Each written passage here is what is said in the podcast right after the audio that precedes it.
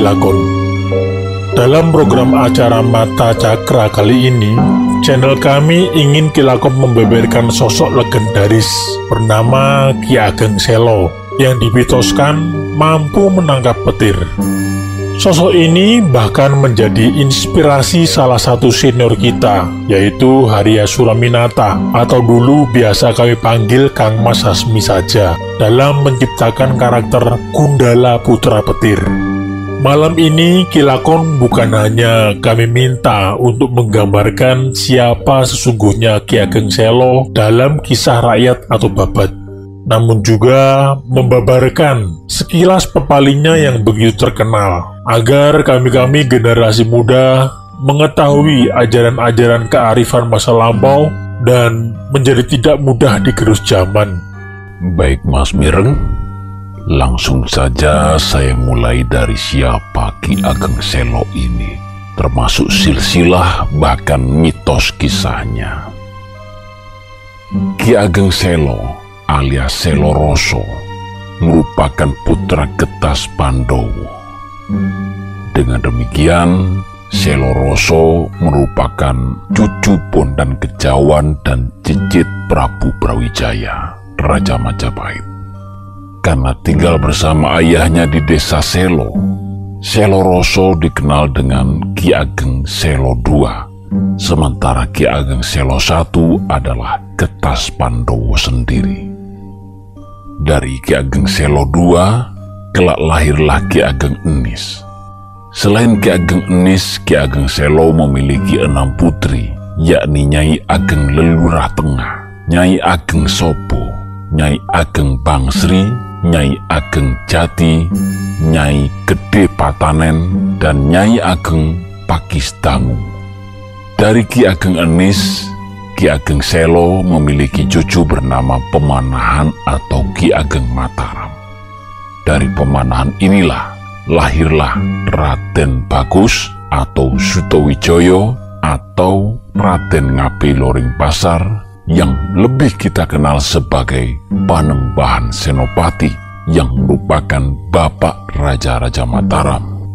Kasunanan Kartasura, Kasunanan Surakarta, Kesultanan Yogyakarta, Praja Mangkunegaran, dan Kadipaten Pakualaman.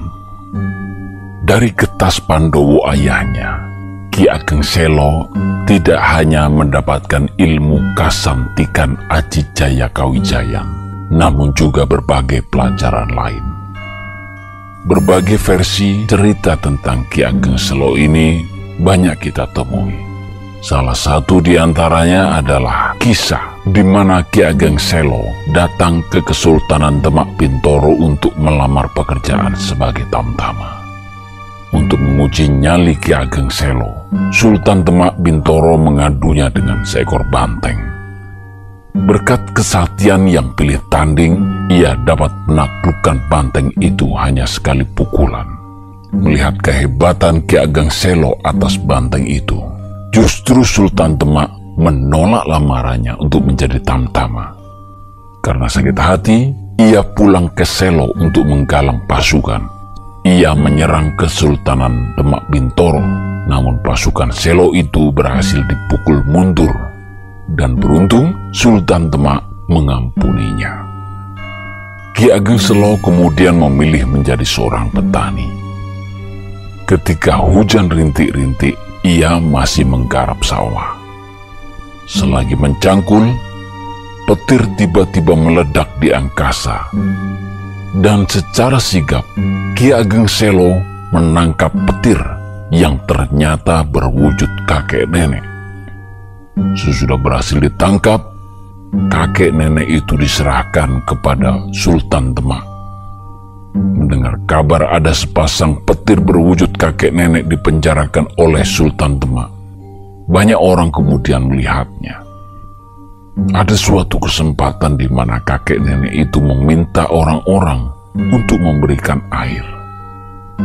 Air itu kemudian diberikan, namun ternyata sesudah air itu diminum, meledaklah kakek nenek jelmaan petir itu bersama hancurnya penjara Demak. jelmaan itu berhasil meloloskan diri dengan mengakibatkan korban hangus terbakar.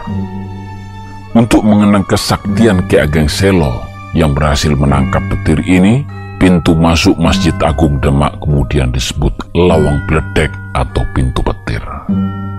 Sementara di desa-desa sampai sekarang masih banyak kita jumpai ada orang-orang yang ketika petir berbunyi, mereka secara spontan menyebut bahwa dirinya adalah cucu Ki Ageng Selo dengan harapan petir tidak berani menyambarnya. Ki Ageng Selo juga dikaitkan dengan asal-usul pusaka Mataram yang bernama Bende Kiai Bicak. Dikisahkan, barang siapa yang memiliki Bende Kiai Bicak, keturunannya akan menjadi raja di tanah Jawa. Bende itu juga menjadi pertanda bahwa bila ditabuh dan suaranya bergema di angkasa, maka pasukan yang memiliki benda itu akan berjaya saat bertempur di medan laga. Sementara jika tidak berbunyi, maka pertanda musuh yang akan menang. Ada pula mitos tanaman waluh.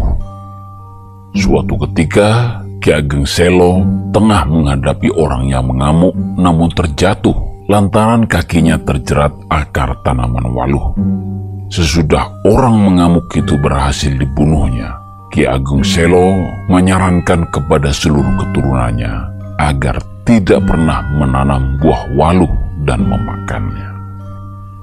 Namun dari sekian banyak kisah tentang mitos Ki Ageng Selo ini, seperti juga kisah-kisah tanah Jawa lainnya, kita memerlukan tafsir Mas Mireng seperti yang sering saya sampaikan dalam beberapa tayangan panjenengan.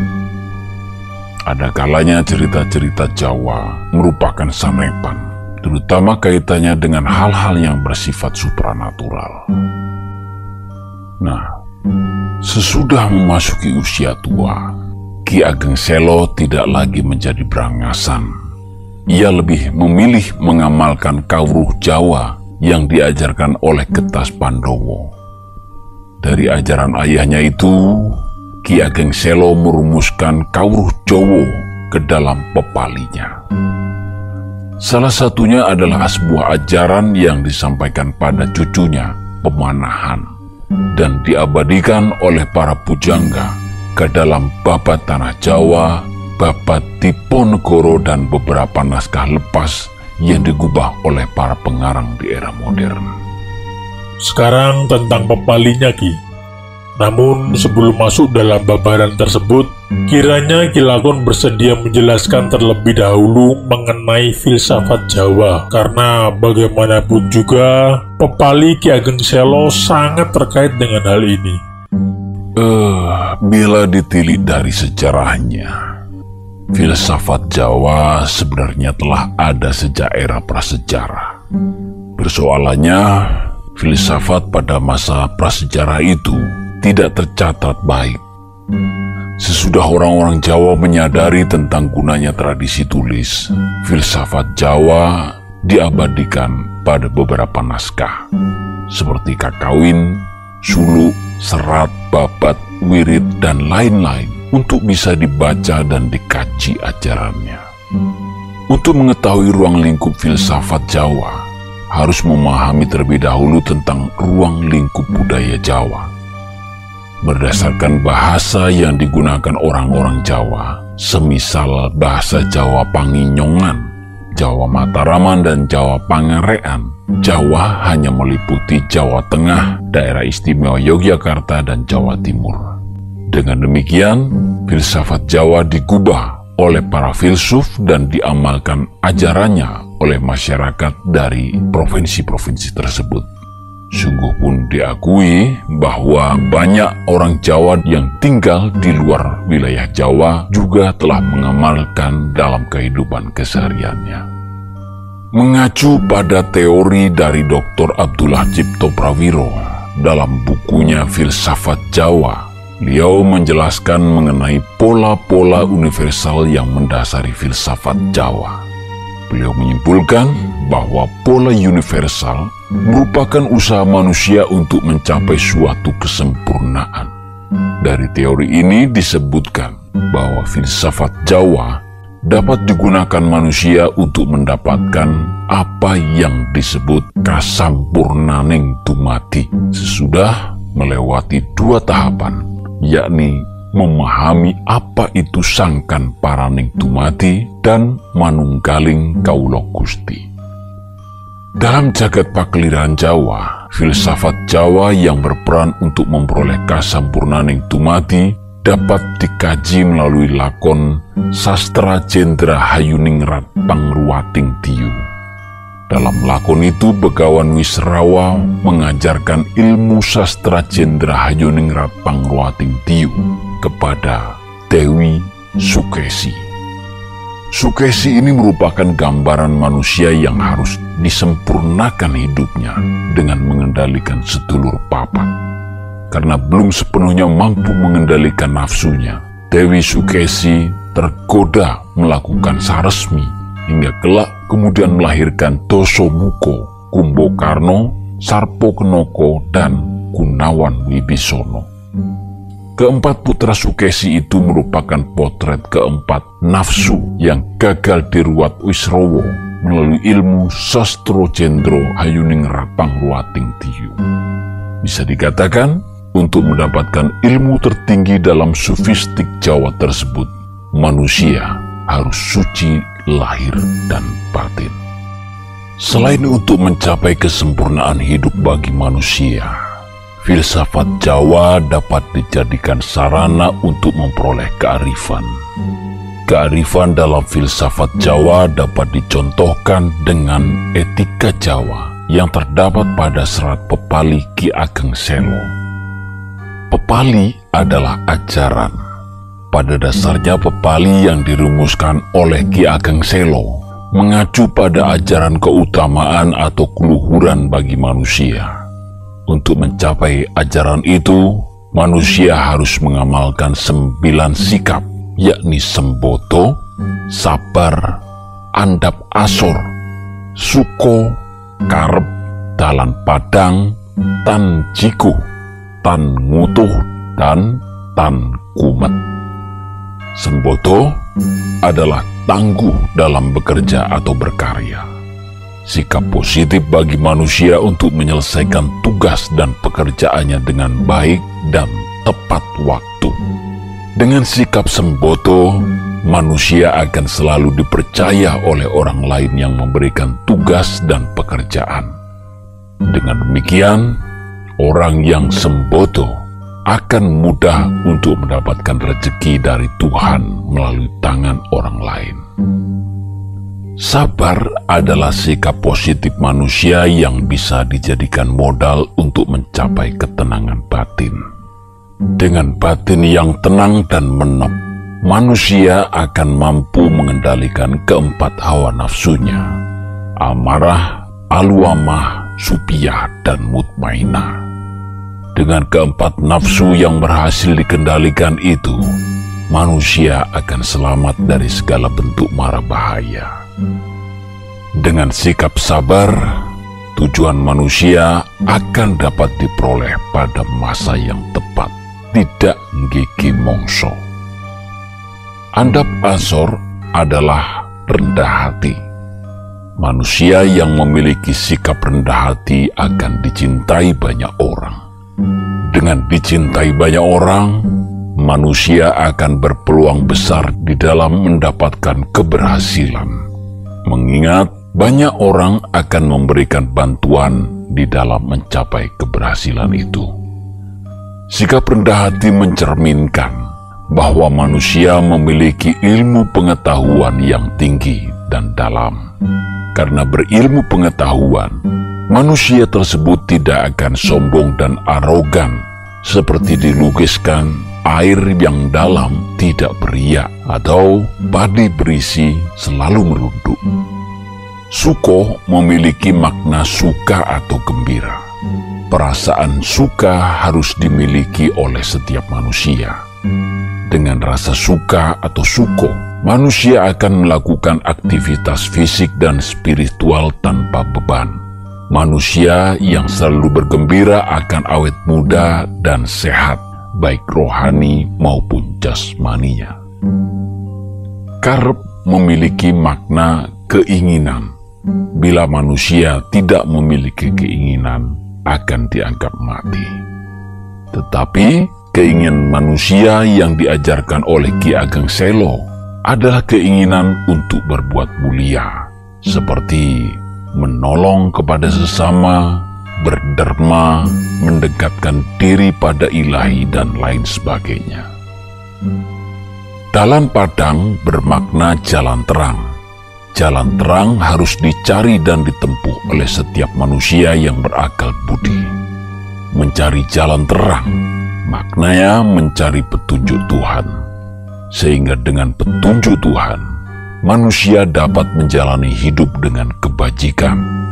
Sehingga laku hidup manusia tidak tersesat di dalam jurang kemaksiatan dan kejahatan yang syarat dosa.